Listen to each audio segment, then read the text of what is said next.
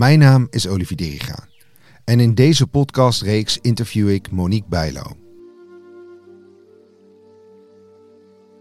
Monique is schrijfster van het boek De Osui-methode. In de westerse wereld circuleren de laatste eeuw verschillende verhalen over de Osui-methode. Met deze podcast wil Monique de structuur en methode uitleggen zoals deze oorspronkelijk is bedoeld. Hierdoor is haar praktijk Max Spirit in Baren ontstaan, waar zij al vele mensen heeft geholpen door middel van levensenergie. Daarom begin ik het gesprek met de vraag: hoe is de Usui-methode in Monique's leven gekomen? Nou, ik ben daar uh, op mijn 27e mee in aanraking gekomen. En uh, ik bleek daar ook een talent voor te hebben. Dat uh, vond, vond, ik zelf ook wel frappant. En op dat moment werkte ik gewoon voor corporate organisaties en had ik daarnaast kledingzaken. Dus heb ik toch gekozen vanuit mijn gevoel om toch maar op mijn zolderkamertje met mijn handeltafel die praktijk te gaan beginnen. En uh, ik ben daarin verder gegaan. En ja, het, het, is eigenlijk een van de mooiste geneeswijzen en ook de oudste geneeswijzen ter wereld. En als je dat gewoon goed beoefent, ja, dan kan je daar ontzettende gave dingen mee doen. En um, de Osui-methode is natuurlijk misschien voor heel veel mensen nog niet heel erg bekend. Is dat ook een, een, een, een reden dat, dat je dit boek bent gaan uitbrengen en dat je dit nu echt de wereld in wilt trekken, om het maar zo te zeggen? Nou, er zijn wel diverse uh, stromingen bekend die ook wel werken met energie. Maar ik ben zelf nog bekend met de vorm, hè, zoals als die in de tradities werd overgedragen. En ik zag ook dat er eigenlijk nog geen boekjes waren die dat eigenlijk in die vorm en met, met die filosofie helemaal konden vertalen. Dus ik heb dat boekje geschreven. Het zat al heel lang in mijn hoofd hoor. Al een jaar 25 kan ik je vertellen. Maar ja, toen hadden we corona en toen hadden we tijd. Dus ik denk, nou, ik moet gewoon uh, het echte, authentieke verhaal nu opschrijven. Want ik denk dat als je dat, dit op die manier heel goed en juist toepast, nou, daar kunnen heel veel mensen wat aan hebben. Dus dat is eigenlijk de reden geweest. En ja, het is ook zo, wat ook een reden is geweest, als je iets weet, weet je, dan en, en, dan kan je links kijken van, nou, uh, gaat iemand anders het doen? Dan kan je rechts kijken, gaat iemand anders het doen? Nou, niemand ging het doen. Maar je weet iets. En dan moet je het gewoon op een gegeven moment moet je dat uh, overdragen.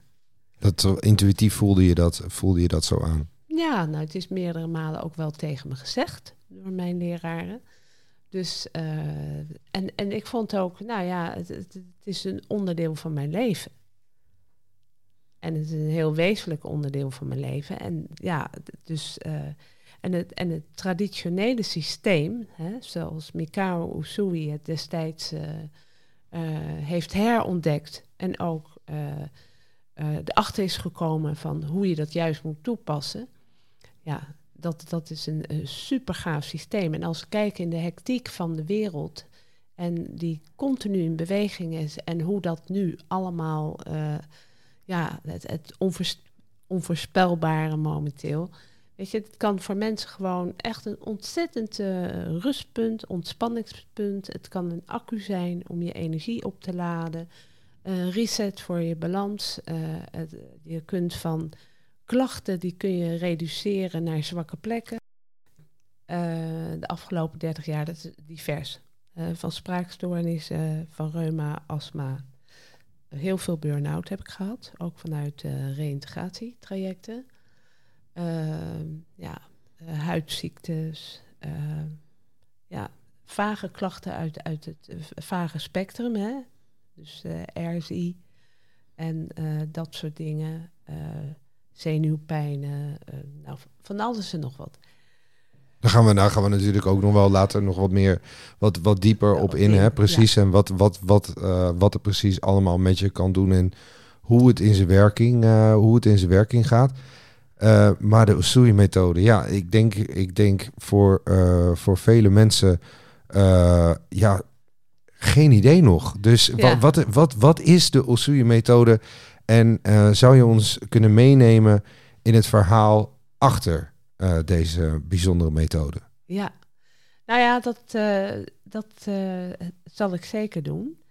Kijk, het begint eigenlijk in de vorige eeuw. Hè? Dus zeg maar, je moet denken aan 1900. En Mikao Usui was, een, was iemand die afstamde uit een samurai-familie in Japan. En hij doseerde onder andere godsdienst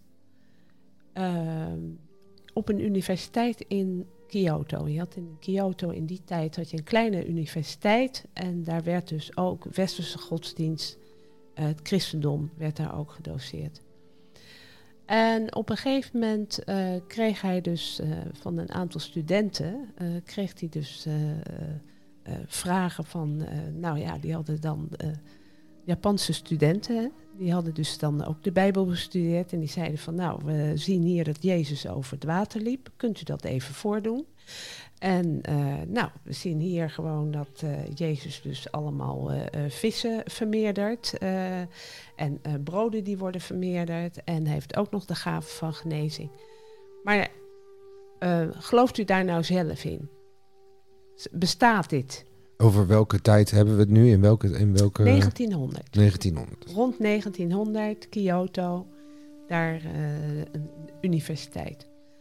En uh, gelooft u dat dat kan? En, en, en wat heeft u daar een antwoord op? Nou, op dat moment had hij ontzettend de pest in dat hij dat soort vragen kreeg en dat hij er geen antwoord op had. Dus hij heeft ontslag genomen. En uh, hij is dus uh, uh, naar een abt gegaan van een zenklooster in, in Kyoto. Die daar, wat daar vlakbij was. En uh, die abt in Kyoto, nou, dat was toch een goede vriend van hem. En hij heeft dus, is naartoe gegaan en heeft gezegd... nou, ik heb ontslag genomen, ik kreeg dusdanige vragen. Ik kan er geen antwoord op geven. Ik weet dat in diverse religies dat die verhalen ook opduiken. Hè. Van de, in het boeddhisme heb je ook dit soort verhalen, alleen wat minder. En uh, hij zegt, uh, ik, ik wil daar naar op zoek, naar die, uh, die sleutel. En die abt, die, um, hij heeft gevraagd die abt of, of die hem wilde he hebben, helpen daarmee. En die had daar allerlei rollen nog in dat klooster liggen met uh, tekens uit het Sanskriet, uit Pali. En hij zegt van nou, volgens mij moet je daarin zoeken. Want daar uh, komt dus eigenlijk de oudste leer vandaan, die opgetekend is. Ook vanuit het christendom? Niet vanuit het christendom, maar wel uh, de yogaleer is, is er natuurlijk in opgetekend. En wel, er is ook wel hoe je met energie om moet gaan dat kun je daar ook in terugvinden. Het punt was eigenlijk wel dat in die tijd het Sanskriet, daar was geen klank aan gekoppeld. Dus um, het was nog niet vertaald. Weet je, het, het was gewoon een bepaalde leer die uit tekens bestond en uit symbolen maar er zat niet echt een klank aangekoppeld. En die app die kon dat dan wel vertalen? Of was het, was het, was het uh, want wel Mikao neem ik aan, was het niet in één keer dat hij die rollen zag en dat hij dacht, oh ja. Nou ja, het, uh, Mikao Sui uh, is van daaruit, uh, is hij dus op zoek gegaan. En die zoektocht die heeft 22 jaar geduurd. Zo. Tot en met universiteiten ook in Amerika. Hij is het Sanskriet gaan uh, bestuderen. Hij is verschillende oude talen gaan bestuderen. Waar ook uh, de mystiek in voorkwam. En, uh, en hij, hij kon het gewoon niet vinden. Um, hij had na 22 jaar, hij had het nog niet opgegeven, maar hij is wat toen weer teruggegaan naar dat klooster. En naar zijn oude vriend en die zegt van nou, nou ben ik nou overal ter wereld geweest. Ik heb vreemde talen geleerd, ik heb alle tekentalen geleerd, ik heb uh, in de religies heb ik alles bestudeerd. Hij zegt bij universiteiten ben ik geweest. Hij zegt ik heb nog steeds niet gevonden hoe men dat deed. Hè? Hoe, hoe, discipelen van Jezus die, dat, die konden dat ook. Uh, in Boeddha en zijn leerlingen, discipelen in het oosten, die konden het ook. Maar ik ben er gewoon niet achter um, hoe je dat moet toepassen. Hij zegt dus, ik, ik zit op een doodspoor na 22 jaar, ik weet het niet meer. En wat adviseer je mij te doen? Nou was er in Kyoto een heilige berg. En daar zaten monniken die, uit Japan, die kwamen daar naartoe. En die gingen daar de leven op dood uh, meditatie doen. Als ze een levensvraag hadden die zo belangrijk was dat ze er gewoon voor over hadden om het risico te nemen dat ze dus na die meditatie niet meer zouden leven. En hoe werkte dat dan? Nou, uh, dat is een 21 dagen meditatie. Dan ga je dus op die berg zitten en uh, nou, dan, dan stel je eigenlijk aan het universum in die meditatie die vraag. En dan wacht je net zo lang tot het antwoord komt. En ja, je eet niet die 21 dagen. En uh, ja, sommigen sommige redden dat ook niet. Hè. Dus dat is wat, wat in Japan, die kunnen behoorlijk extreem zijn. Dus nou ja, dit is dan ook zoiets. En Usui is dat gaan doen. En die zegt van, nou ja, weet je, ik heb nu al 22 jaar op zitten. Dan kan dit er ook nog wel bij. En die is op de berg gaan zitten en uh, met 21 steentjes uh, voor zich. Dat hij in ieder geval wist, want op een gegeven moment kom je in een heel raar bewustzijn. Want je eet niet, je drinkt weinig of niks. Dus je komt in een heel, heel, heel raar hallucinerend bewustzijn. En dan heb je geen uh, besef meer uh, van uh, tijd en ruimte en of het dag of nacht is of hoeveel dagen je daar zit. Dus zij dacht van nou, ik leg die steentjes voor mijn neus. En dan gooi ik gewoon iedere dag bij zonsopgang, gooi ik zo'n steentje weg. Dan weet ik in ieder geval hoe lang ik daar heb gezeten. Nou, en de 21ste dag, toen heeft hij het antwoord gekregen. Hij was toen al helemaal oud. En, uh, was hij, lag hij bewusteloos dan? Ja, of, hij was wel zo bijna buiten bewustzijn. En hij voelde ook wel dat het ook echt helemaal fout ging. En de, toen heeft hij dus eigenlijk van die lichtbollen, van die gouden bollen, uit de hemel zien komen. En die gingen echt door zijn lichaam heen. En in die gouden bollen zag hij al die tekens. En, uh, en die tekens herkende hij. Want die heeft, had hij namelijk op die rollen gezien, 22 jaar geleden, bij die abt beneden in het Zenklooster. Hij wist alleen helemaal niet hoe hij toe moest passen. Dus hij dus, uh, nou dat bleef maar doorgaan, al die lichtbollen. En op een gegeven moment heeft hij dus ook uh, een les gekregen. Wat hij met al die tekens moest doen en in welke rangorde en hoe hij ze moest toepassen. En het werd als ware in zijn lichaam geprint. Weet je, door, door die gouden lichtbollen. En uh, toen is hij een tijd oud geweest. En toen is hij opgestaan. En toen voelde hij zich helemaal kiplekker. Dus hij is gewoon helemaal de berg zelf afgewandeld. Nou, normaal gesproken halen ze je daarop. De, dus die bollen, die, die, die lichtbollen, die gingen in, in hem als het ware. Ja, Goud, ja, gouden bollen. Zo, zoals... Uh, op, een zo, boekje, op een boekje staat ja, afgebeeld. Zo, uh, dat, dat heeft hij uh, op die manier ervaren. En daarna voelde hij zich eigenlijk prima, alsof hij daar helemaal niet 21 dagen had gezeten. En onderaan de berg, van die heilige berg, nou, daar was een herberg, hè, die dus de monniken opving uh, die dus daar 21 dagen hadden gezeten. En die het wel overleefd hadden? En die het wel overleefd hadden, ja. En hij uh, bestelde dus een uh, traditioneel Japans ontbijt met een heleboel schaaltjes. En nou ja, de herbergier die zei van nou, dat lijkt me nou niet zo'n goed plan. Weet je, dat je dat doet. Hij zegt nou, ik denk het wel. Ik heb reuze trek en uh, kom maar hier. En uh, zijn dochter, die liep daar in de rondte met zo'n bolle wang. Die had een kaakontsteking. De dochter van de herbergier. Ja, en die had een kaakontsteking, liep daar in de rondte en de tranen rolden over de wangen. En toen zei hij van, uh, wat heb je daar? Ik heb zo'n ontsteking daar. En, zegt, en, en ik kan nog niet ergens terecht. Dus hij zegt, nou kom maar even hier. En hij legde zijn hand gewoon op, op uh, haar uh, gezicht. Zo'n minuut of tien. En die ontsteking slonk. En dat, dat, dat, dat zei zijn intuïtie, dat hij zei van, weet je wat je moet doen? Je moet gewoon...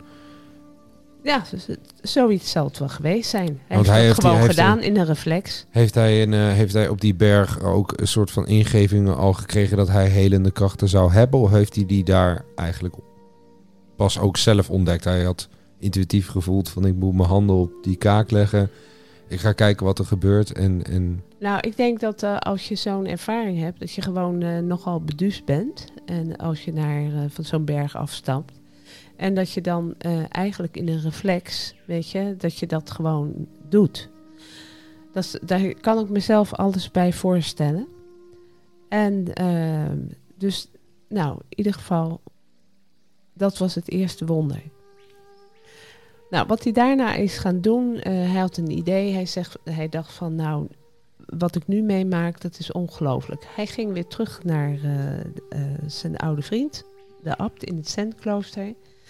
En uh, hij zegt van, het is niet te geloven. Hij zegt, wat ik daar heb doorgekregen en wat ik daar heb meegemaakt, maar het zijn dus dezelfde symbolen op de Sanskriet-rollen die jij mij hebt laten zien. De eerste rollen, daar stond eigenlijk alles opgetekend, alleen er stond niet bij wat je ermee moest doen. Dat heeft hij wel doorgekregen wat hij ermee moest doen. Hij kon in één keer dat Sanskriet in één keer veel beter lezen en hij begreep het allemaal ineens. Nee, hij wist wat hij ermee moest doen. En dat is wat hij heeft doorgekregen. Dus hij, hij wist waar het voor was, wat het betekende en uh, hoe hij het moest toepassen. En wat betekende het? weet je dat? En wat betekende het? Nou ja, hoe hij het moest toepassen, weet je, om, om gewoon uh, uh, dat mensen, hoe hij dus als behandelaar, hè, of, of, of mensen daarmee kon helpen. Weet je, hoe, hoe dat systeem in elkaar zat. En hoe die daarmee om moest gaan. Weet je, dus wat hij moest doen. En um, ja, wat er eigenlijk gebeurde is, is dat hij gewoon op die berg gewoon een heel goed kanaal is geworden voor energie. Voor positieve levensenergie. En dat is gewoon op die berg gebeurd. Nou, hij is toen uh, naar Tokio gegaan. Hij, heeft met die, hij zegt, nou, ik denk dat ik daar gewoon mensen uh, mee moet gaan helpen. En zijn idee was, en hij kwam helemaal niet uit zo'n familie, om maar in de sloppenwijken van Tokio te gaan wonen. Tussen de markthandelaren en zelf maar groenteboer te gaan worden. En dan zo ja, mensen helpen en healen, et cetera. Nou, dat heeft hij vervolgens zeven jaar volgehouden. En uh, hij deed dat uh, eigenlijk gewoon gratis, pro deo. Maar hij zag dus dat die, die mensen, nou, die kwamen allemaal graag bij hem. En uh, nou, die liepen gewoon eigenlijk gewoon een beetje energie te tanken. Maar aan hun bewustzijn veranderde helemaal niks. Nee, precies. Dus er kwamen bij wijze van uh, hadden ze een alcoholprobleem en dan kwamen ze bij hem, alcoholprobleem weg en dan gingen ze bij wijze van spreken weer gelijk uh, de kroeg in. dat gebeurde er dus. En nou, daar kreeg hij uh, op een gegeven moment een beetje de pest over in. Hij denkt van ja, maar ik, ben, ik ben hier wel wat aan het doen, maar er gebeurt niks met bewustzijn. Weet je, ze geven het geen waarde, ze doen er niks mee. ja, en ik loop mijn tijd eraan te doen, maar voor de rest, het blijft zoals het is. En toen is hij daarmee gestopt. En uh, toen dacht hij van, nou weet je wat, ik ga dat, ze moeten het een waarde geven. En uh, ik ga, ga er toch een soort ambacht uh, van maken.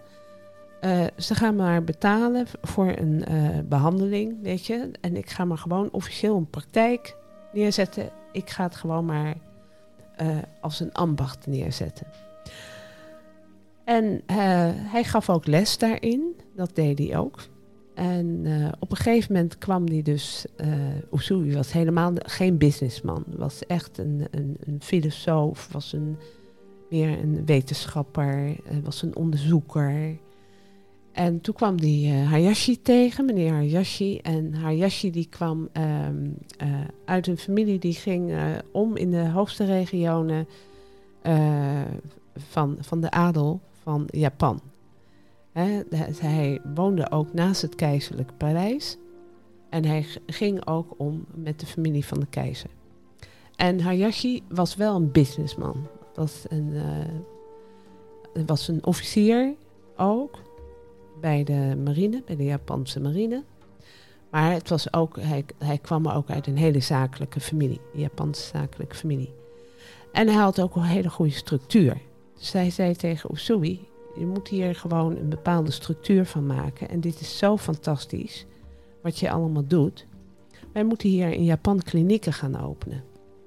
Waar mensen gewoon, dus soort herstellingsorde, waar mensen die dus gewoon uh, kwalen hebben, die al een hele tijd ziek zijn, uh, die zware operaties hebben gehad, die kunnen daar naartoe komen. Die kunnen daar gewoon uh, een paar maanden verblijven. En uh, wij leiden gewoon allemaal mensen op die daar werken en die kunnen daar behandeld worden. Dus dat heeft Hayashi ook gedaan. Volgens mij, er was één kliniek in Tokio. Volgens mij heeft hij nog twee andere klinieken in Japan uh, ook opgezet. En die waren heel succesvol. En uh, Usui, ja, die, uh, die gaf ook les daarin. En weet je, die, die leidde daar mensen op. op een gegeven moment voelde hij ook wel dat, dat, dat zijn leven te einde kwam. En dat hij het stokje moest overdragen. En dat heeft hij dus aan Hayashi gedaan. Omdat hij daar heel veel energie in had gestoken. En hem ook wel had geholpen om gewoon uh, dat hele systeem, weet je, bekender te laten worden. Maar als ik het dus goed begrijp, maakt het dus niet zoveel uit wie je bent of wat je doet. Want ik bedoel, je zou zeggen, zo'n zakelijke man als die uh, die is dan misschien wat minder spiritueel dan bijvoorbeeld een Mikao Sui. Die daar op een berg 21 dagen heeft gemediteerd. En toch besluit hij om het aan een, iemand uit te leggen die heel zakelijk is, heel uh, gestructureerd is. En dan zou je bijna zeggen van oké, nou is het dan, klopt het dan dat, dat iedereen het eigenlijk kan leren?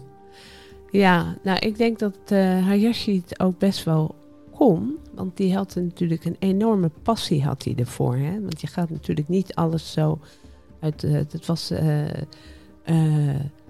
de meest enthousiaste leerling die Usui had.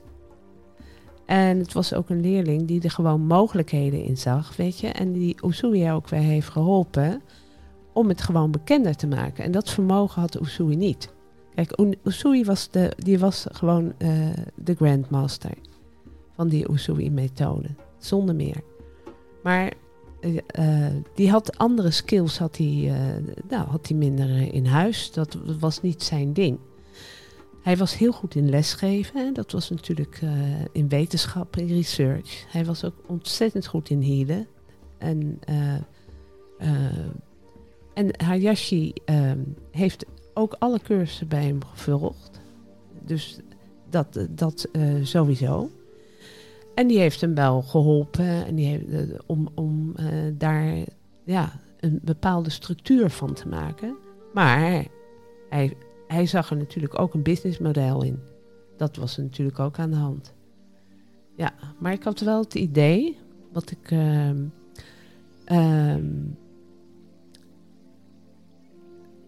natuurlijk kwam, kwamen daar, in doordat uh, de afkomst van Hayashi zelf. Er kwam natuurlijk in dat soort klinieken kwam veel elite uit Japan. Dat was zo. Usui was er natuurlijk ook uh, voor uh, mensen die het wat minder hadden. Maar daar hadden ze wel een model voor, een rato. Dus wat ik zo'n beetje weet, is dat het niet enkel voor de elite was. En dan komen we op het uh, volgende punt, de volgende dame, die daarna de aantreden deed in het Usui-systeem. Op een gegeven moment kwam er uit Japan, en, sorry, uit, uit Hawaii, kwam er dus ook iemand die behandeld wilde worden naar Japan toe. En was Mikao Usui toen al overleden of was hij nog, was hij nog wel levende toen zij kwam? Zij heeft uh, alleen met Hayashi te maken gehad. Dus, dus waarschijnlijk is hij dan uh, is hij overleden? Ja. Want uh, toen zij kwam, dat was vlak voor de Tweede Wereldoorlog. Oh ja. Ja. Nou, Hawaii Takata uh, was een uh, dochter van Japanners die een kleine plantage hadden op Hawaii. En in het, tussen 1920 en 1940 was er een Japanse kolonie op Hawaii. Hoe die daar is gekomen, dat weet ik niet. In ieder geval, er woonde dus wel een groep Japanners. Die hadden daar kleine plantages hè, of boerderijen. En uh, nou, Hawaii Takata, hè, dus ook vernoemd uh, naar Hawaii. Nou, was ongelooflijk klein vrouwtje. Dus van 1 meter 50, 52. En die moest als kind al werken op die plantage. En dan bad ze, en want ze was er gewoon veel te tenger voor. En dan bad ze, oh God, laat me in godsnaam wat anders met mijn handen doen. En dat heeft ze dus, toen ze kind was, echt iedere dag gebeden om de, laat mij alsjeblieft wat anders met, met mijn handen doen. Omdat ze voelde dat ze daar gewoon de kracht niet voor dat zware werk had.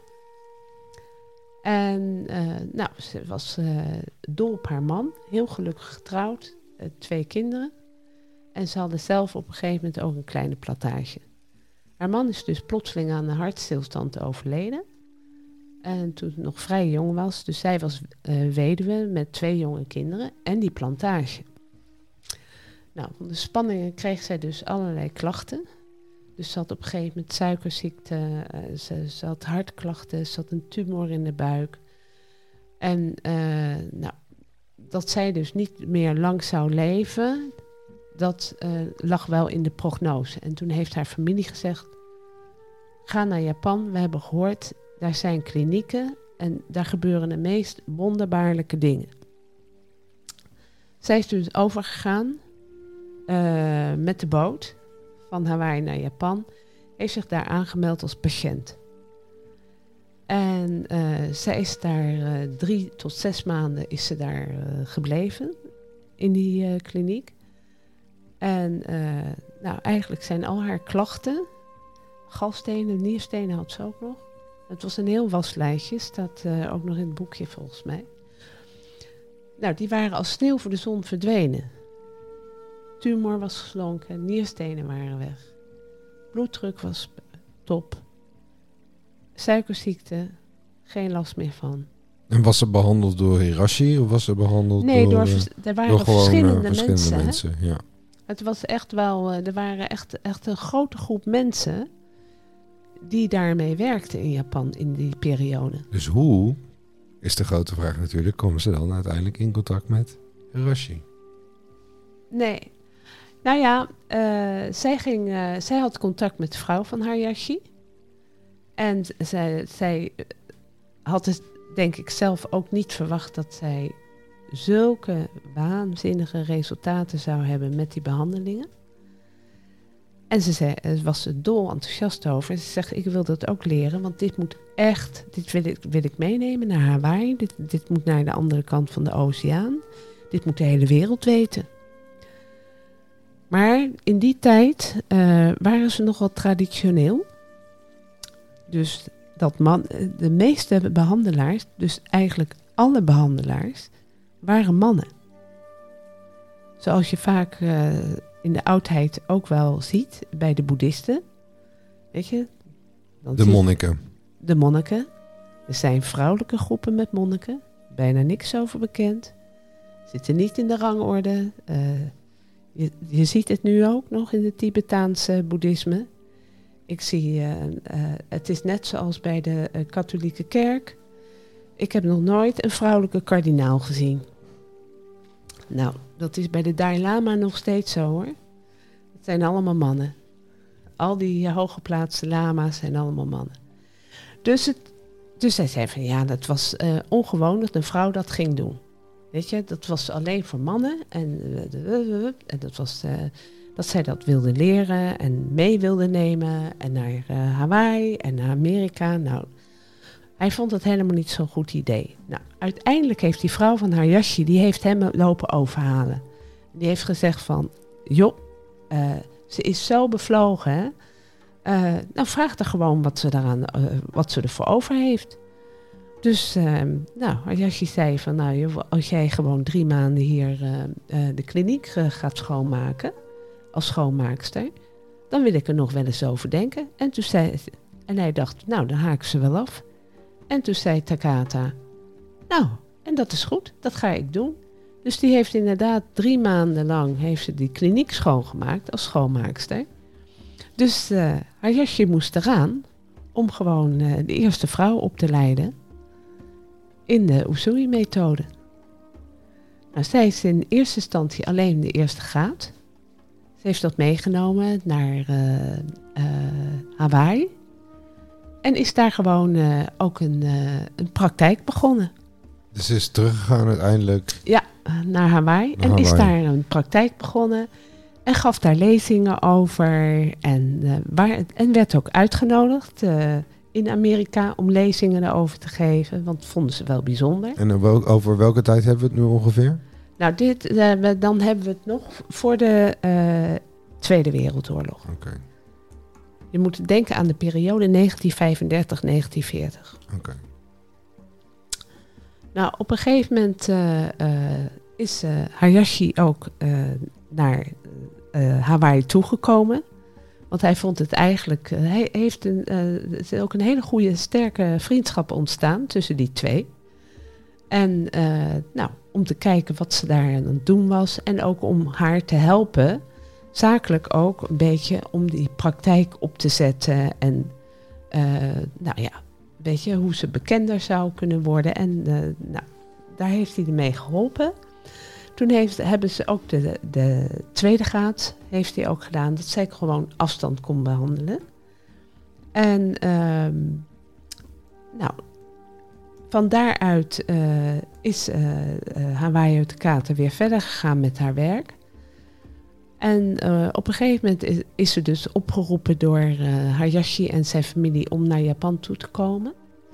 En dat was het punt vlak voor de Tweede Wereldoorlog. Want toen voelde iedereen die druk. Weet je, en wisten ze wel van, nou, weet je, Japan gaat gewoon meedoen in die oorlog.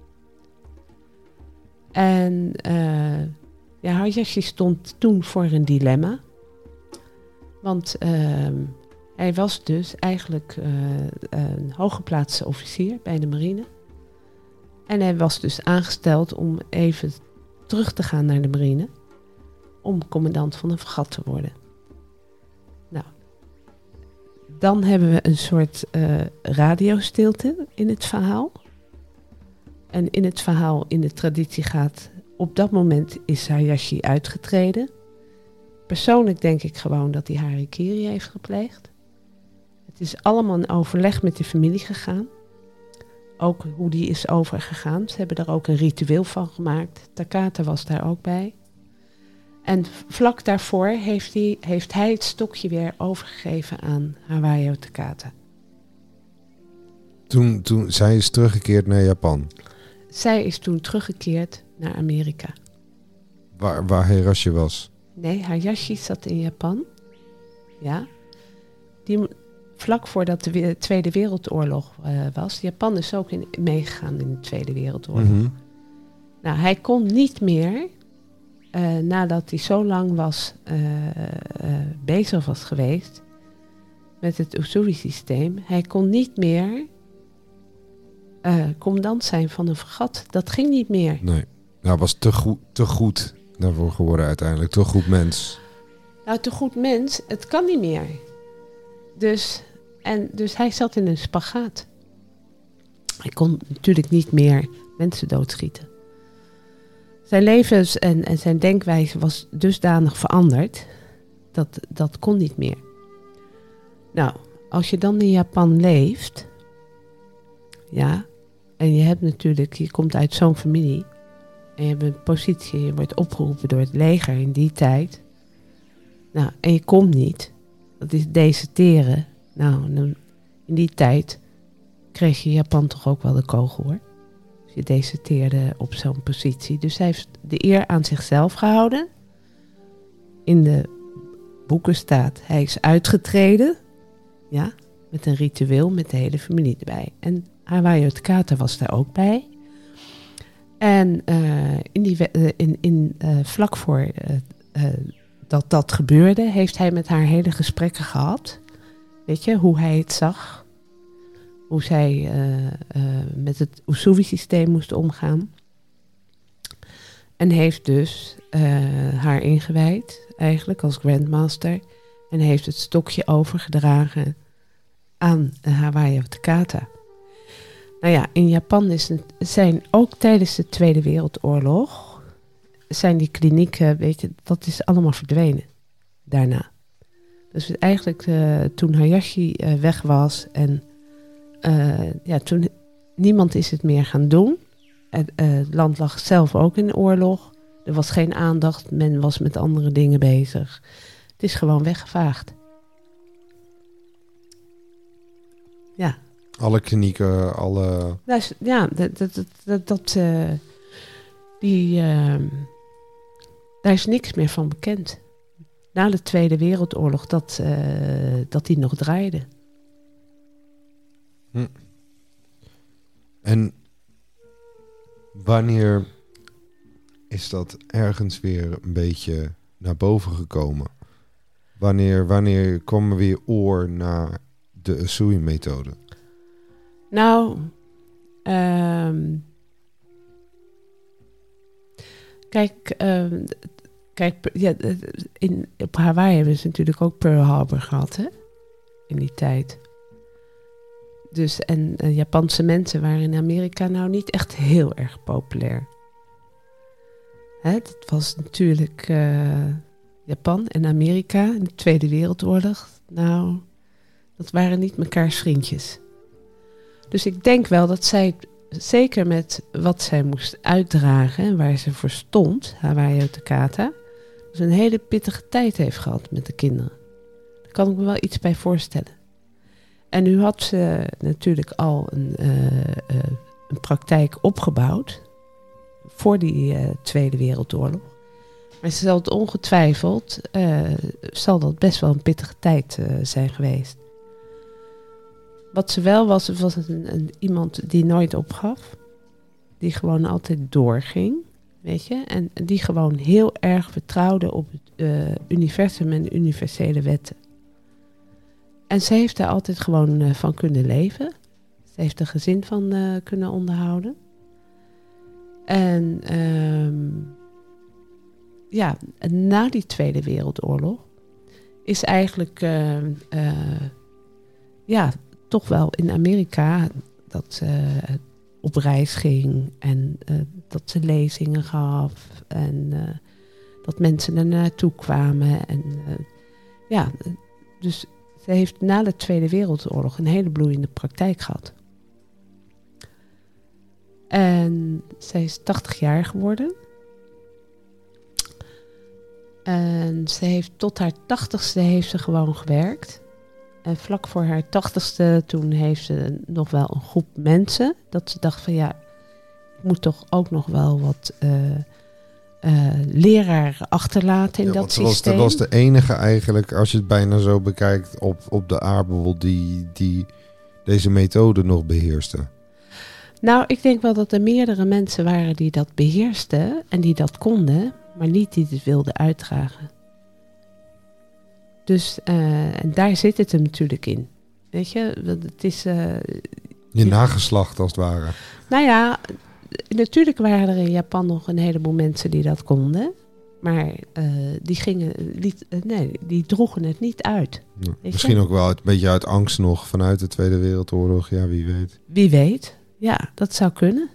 En, en, maar het is ook wel zo, als je natuurlijk geen goede initiator hebt en je, het- weet je, dan, eh, en, alles raakt een beetje los van elkaar, ja, dan, ja, dan eh, kunnen dingen verdwijnen. En dat zie je ook wel in de oudheid, weet je, dat bepaalde dingen verdwijnen en dat in één keer gewoon eeuwen later komt het weer op.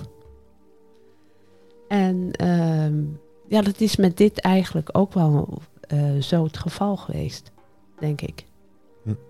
Zij, ge- zij besluit eh, om het door te geven nog aan die, aan die leraren. En dan... eh, Ja, en zij is op, op haar eh, tachtigste eh, verjaardag, is, vlak voor haar tachtigste verjaardag is ze geloof ik overleden, ja.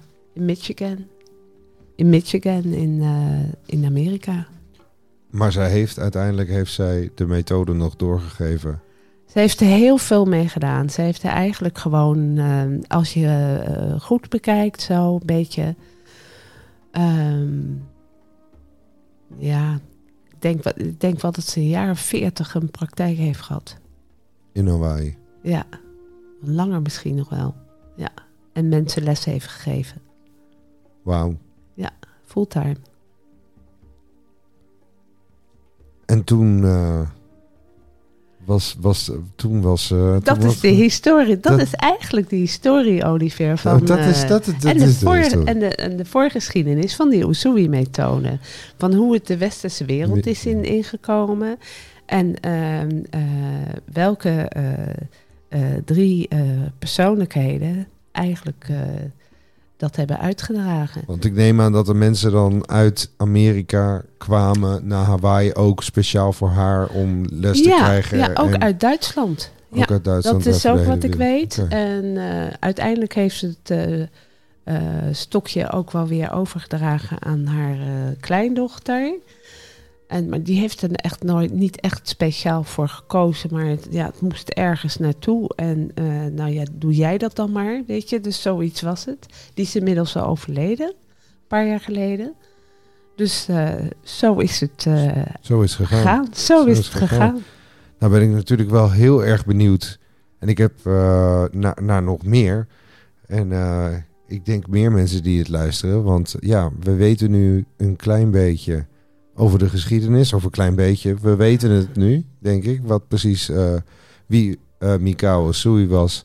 Wat hij deed. En ehm, een heel mooi verhaal, al zeg ik het zelf. Ehm, ik zeg, eh, laten we voorstellen dat we straks in de volgende aflevering, die er nu nog niet op staat, dat we dan het eventjes verder gaan hebben. Want waar wil, je het, waar wil je het nog meer over hebben? Nou, ik denk dat het leuk is eh, dat we een aflevering van... Goh, wat, wat kun je er eigenlijk mee? Hè? Hoe pas je het toe? En hoe, hoe zit het systeem eh, in elkaar? Ehm, wat kunnen mensen eh, daarmee eh, verwachten? Hè? Ehm, je hebt natuurlijk ook nog een aantal leefregels die je moet toepassen. Er zit wel een, een hele simpele, pure eh, filosofie eh, achter...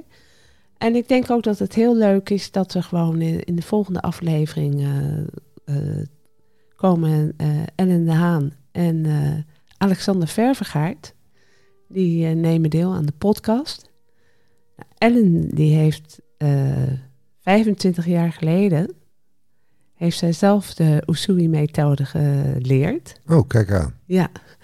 En Alexander, het, het le- het leuke is dat ehm, Ellen eh, eh, ja, op, een, op een hele andere manier binnenkwam dan dat, dat ze nu eh, met een, in haar leven wat ze, wat ze allemaal heeft gedaan. Hè? Dus het heeft op een andere manier heeft het allemaal openingen gebracht. Wat leuk is van Alexander, dat is dat Alexander in eerste instantie een, een van de eerste directeuren was van de Zadelhof Vastgoed Nederland. De jongste. Echt piepjong was die. En hij is nu directeur van de BNB Paribas Bank. Oké, Vastgoed. oké. Maar ook dit soort mensen ja, hebben ook andere interesses. Ja. En die is ook 25 jaar geleden is die eh, bij mij langs geweest en eh, heeft hij eh, ook op les gezeten.